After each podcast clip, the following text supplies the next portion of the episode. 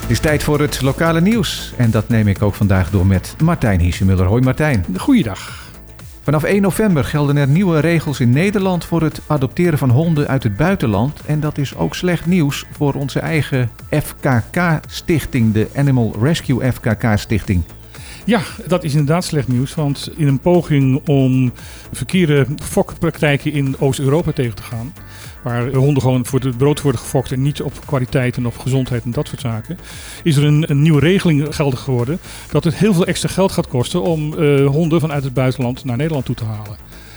Waardoor het dan onaantrekkelijk wordt voor handelaren in Nederland om eh, de honden vanuit Oost-Europa te halen. Die Fondation Konuku Kakelvers, FKK, die vangt Bonaireaanse zwerfhonden op.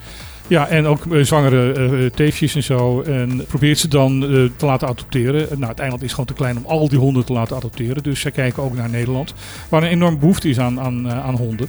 Maar heeft Nederland dan ook niet een overschot aan honden in de asiel zitten? Volgens mij wel. Ik, maar... heb, ik heb echt nooit geweten dat honden van Bonaire naar Nederland gingen. Ja, ja, ja oh, dat is voor dus mij dat- helemaal nieuw. Ik heb zelfs een keer eh, meegeholpen om eh, die honden te begeleiden. Toen ik hier naar Nederland ging. Tenminste, dat zou toegaan, maar dat ging niet door. Omdat eh, toen eh, mijn vlucht En- eh, verviel wegens COVID. En zijn dat dan Nederlanders die hier op Bonaire die honden bekijken en vervolgens beslissen om ze mee naar Nederland te nemen? Vakantiegangers? Daar zit een heel stel daarvan tussen die dat zo doen. Maar er zijn ook mensen die vanuit de website van de FKK een hond uitkiezen. Maar de meeste honden die gaan inderdaad mee met, met vakantiegangers. Ik las dat een overtocht in eerste instantie 80 euro kostte en dat gaat naar 1000 euro.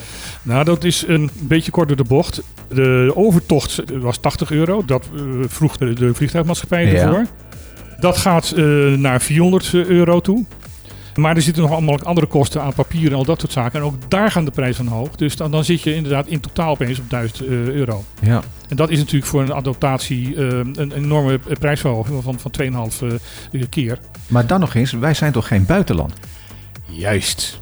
En dat is ook mijn argument van, van jongens, eh, wat, wat, wat is dit voor een raar bericht? Wij zijn geen buitenland, wij zijn Nederland. Dus eh, ik denk dat FKK, en eh, ik vermoed ook dat ze dat gaan doen, eh, daarop moet gaan, eh, gaan, Ja. gaan, kijken. Dat zou ik ze zeker aanraden. En misschien is het goed om ze nog een keer uit te nodigen in het programma op de klippen voor een interview hierover. Dat was ik ook al van plan. Oké. Er is een fonds Culturismo. En tot 1 november kun je daar nog voor subsidieaanvragen terecht. Wat doet dat fonds? Dat fonds eh, is een onderdeel van het Bernhard Cultuurfonds. Ehm, het Caribisch gebied, dat is gevestigd in, in, in Curaçao. Ja. Maar geldt ook voor, eh, de, voor de BES. En dat is een fonds die eh, een soort kruising wil maken tussen dingen met cultuur en dat dat ook ten goede komt van het toerisme. Waar moet ik aan denken? Heb je een voorbeeldje? Nou, bijvoorbeeld, om een hele platte vo- voorbeeld te geven, eh, dingen organiseren dat eh, eh, toeristen kunnen kennismaken met de cultuur van, eh van, van Bonaire. Bijvoorbeeld een dansgroep die bij de Ja. cruise terminal staat om toeristen te verwelkomen. Bijvoorbeeld. Ja. Maar dat, dat, dat is wel een hele simpele. En je kan natuurlijk veel, veel verder denken daarin. Ze hebben per aanvraag maximaal 10.000 eh Curaçaose guldens beschikbaar. Dus ongeveer 5.000 eh, dollar. Ja. En ja, het moet dus eind van deze week moet het binnen zijn. Ja, tot 1 november dus inderdaad. En anders volgend jaar weer. Anders volgend jaar. Ja. Dan heeft eh, Daisy Coffee zich ook geroerd in de discussie over de energiebesparingen die werden gesuggereerd door minister eh, Ollongren. Excuus dat ik even grinnik. Dat is niet eh, omdat ik erg Want eh, van die de zijn koffie. natuurlijk, we moeten minder airco gebruiken. Wat had ze nog meer gezegd? We Ehm, moeten ledlampen gaan gebruiken en er was nog een derde. En douchen. minder douchen. Veel minder douchen. Ja. Nou, deze koffie heeft denk ik een, een terechte en al door veel meer mensen gezegde reactie erop van waar bemoeit ze zich mee? En laten ze alsjeblieft eh, met collega van eh, Economische Zaken gaan praten over de financiering van de investeringen eh, van het web. Want die eh, zorgt niet alleen voor dat elektriciteit hier veel duurzamer geproduceerd kan worden, maar naar verwachting gaat de productie ook nog eens een keer 50% goedkoper worden. ja. Nou, dat maakt inderdaad echt dat een zou verschil op de koopkracht eh, die, waar de, de, de Nederlandse regering constant over heeft, die omlaag moet. Of tenminste de, de, de kosten van het levensonderhoud zouden dat eh, enorm omlaag kunnen brengen. Ja. Nou wil ik eh, niet Kasia gaan verdedigen, maar natuurlijk zit er natuurlijk al iets van bezuinigingen op door bijvoorbeeld de airco een uurtje minder langer aan te zetten of automatisch op een timer na twee of drie uur uit te zetten. Ze is natuurlijk nog wel heel erg belachelijk gemaakt met haar verhaal. Hè? Ja, daar heb, daar, daar heb je helemaal gelijk in. Eh, dat helpt natuurlijk altijd. En er op bewust van zijn van jongens, ehm, we moeten er zuinig op zijn. eh, dat, eh, dat is absoluut waar. En natuurlijk, iets waar zou- ik mij en natuurlijk kun je ook een minuutje minder lang douchen. Dus die bes- er zit nog wel wat aan. Nou aan, ja, aan en er is best heel veel winst te halen en met isolatie. bedoel, uh, in Nederland ga je dubbelglas gebruiken om de kou buiten te houden. in, in Bonaire zou eigenlijk dubbelglas gebruikt moeten gaan worden om de warmte buiten ja, te houden. dat is waar. Maar wat je al zei, via de web valt er natuurlijk een veel grotere besparing Ja. te realiseren. Ja, dan de discussie over papiamenstalig mbo-onderwijs. Ja, normaal gesproken eh, hebben wij het hier over nieuws en niet over opinies. En dit is een op- eh, opiniestuk. Het staat in, ehm, op de website van eh, dossier Ko- Koninkrijksrelaties. Waar Ju- Juliana Kibbela, Ju- Ju- Ju- Juana, ik heb altijd moeite met- Juana of Juana, wat zal het zijn? Ik- nou ja, Ja, goed. Ze is eh, eh, eh, eh, de- Caribisch, dus het zal wel Ju- Juana zijn. Ja. Want er staat achter Kibbelaar.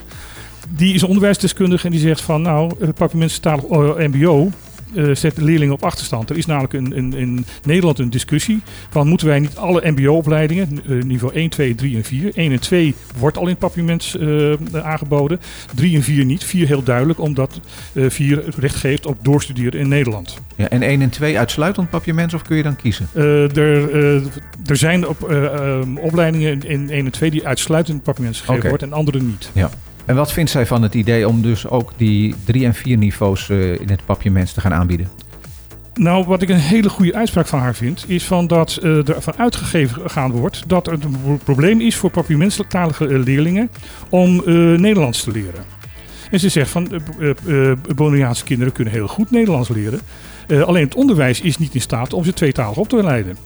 En daar zit het probleem. Niet in die kinderen, Mhm. maar in het, in het onderwijs. Ja, over het algemeen zijn kinderen natuurlijk heel goed in staat om een tweede, derde en vierde Ja. taal eh, onder Ja. de knie te krijgen. Nou, daar heeft ze natuurlijk een, een, een heel erg duidelijk punt. En zij zegt van, eh, is een hele beperkte taal wat, wat verspreidingsgebied bet- betreft. En ook wat informatiebronnen betreft. Dus als kinderen zelf eh, kennis willen gaan ophalen vanaf het internet en ze spreken geen Engels of ze spreken geen Nederlands. Want zij zegt, heeft het nu over Nederlands, maar ze zegt er heel duidelijk bij van, het gaat om een andere grote taal. Ja. Dat kan ook Engels of Spaans zijn. Zeker. Dan komen ze dus kennis tekort omdat ze dat dus niet eh, van internet kan halen. Omdat ze dus niet Nederlands, Engels of, Spa- of Spaans spreken.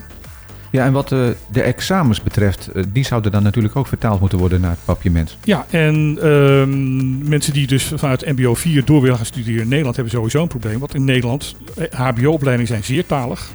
En je moet gewoon goed Engels of Nederlands spreken. Dus voor MBO 4 sowieso geen goed idee. En voor MBO, MBO 3 en misschien zelfs wel voor 1 en 2 zitten er toch ook wel wat nadelen aan. Zij stelt van, van eh, aandacht voor papiaments. Ja, het is onze moedertaal. Dat moeten, we, dat moeten we koesteren, daar moeten we heel zuinig op zijn. Maar daarnaast eh, blijven een andere grote taal ernaast te houden. Ja, waar kunnen mensen deze discussie, of in ieder geval dit opiniestuk ook alweer nalezen? Op de website van dossier koninkrijksrelaties.nl. Oké. De zevende ondernemersschool is afgerond. Wat is de ondernemersschool? Waar zit die? De ondernemersschool is een initiatief van eh, Credits en Fundation Forma. Volgens mij wordt het ook in het gebouw van Fundation Forma wordt het, eh, wordt gegeven. Ja. En is om beginnende ondernemers eh, wegwijs te maken in ondernemersland. Oké.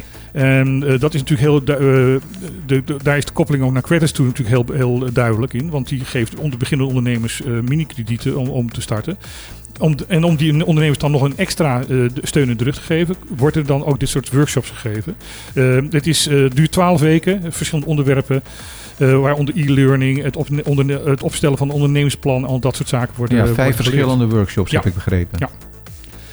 Dus eh, het is nu al voor de zevende keer ehm, eh, gehouden. Het is zeer succesvol. Ehm Credit zegt ook van wij merken gewoon dat mensen die die opleiding hebben gevolgd beter in staat zijn om eh, het moeilijke eerste jaar van een ondernemer te overleven. Ja, volgend jaar dus waarschijnlijk, wegens succes, geprolongeerd. Ja.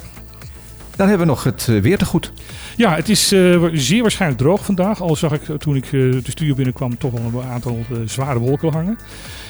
Tropische wave waar gisteren sprake van was, is eigenlijk opgelost en zal eh, ABC-eilanden niet gaan bereiken. Een kans op lokale losse bui blijft. De temperatuur ligt vandaag maximaal op 30 graden en de gevoelstemperatuur ligt slechts 2 graden boven. De wind is matig en de, de hele warme benauwde periode van de afgelopen weken lijkt dus definitief voorbij. En de komende dagen blijft dit weerbeeld gehandhaafd. Goed zo. Dankjewel Martijn, tot morgen. Tot morgen.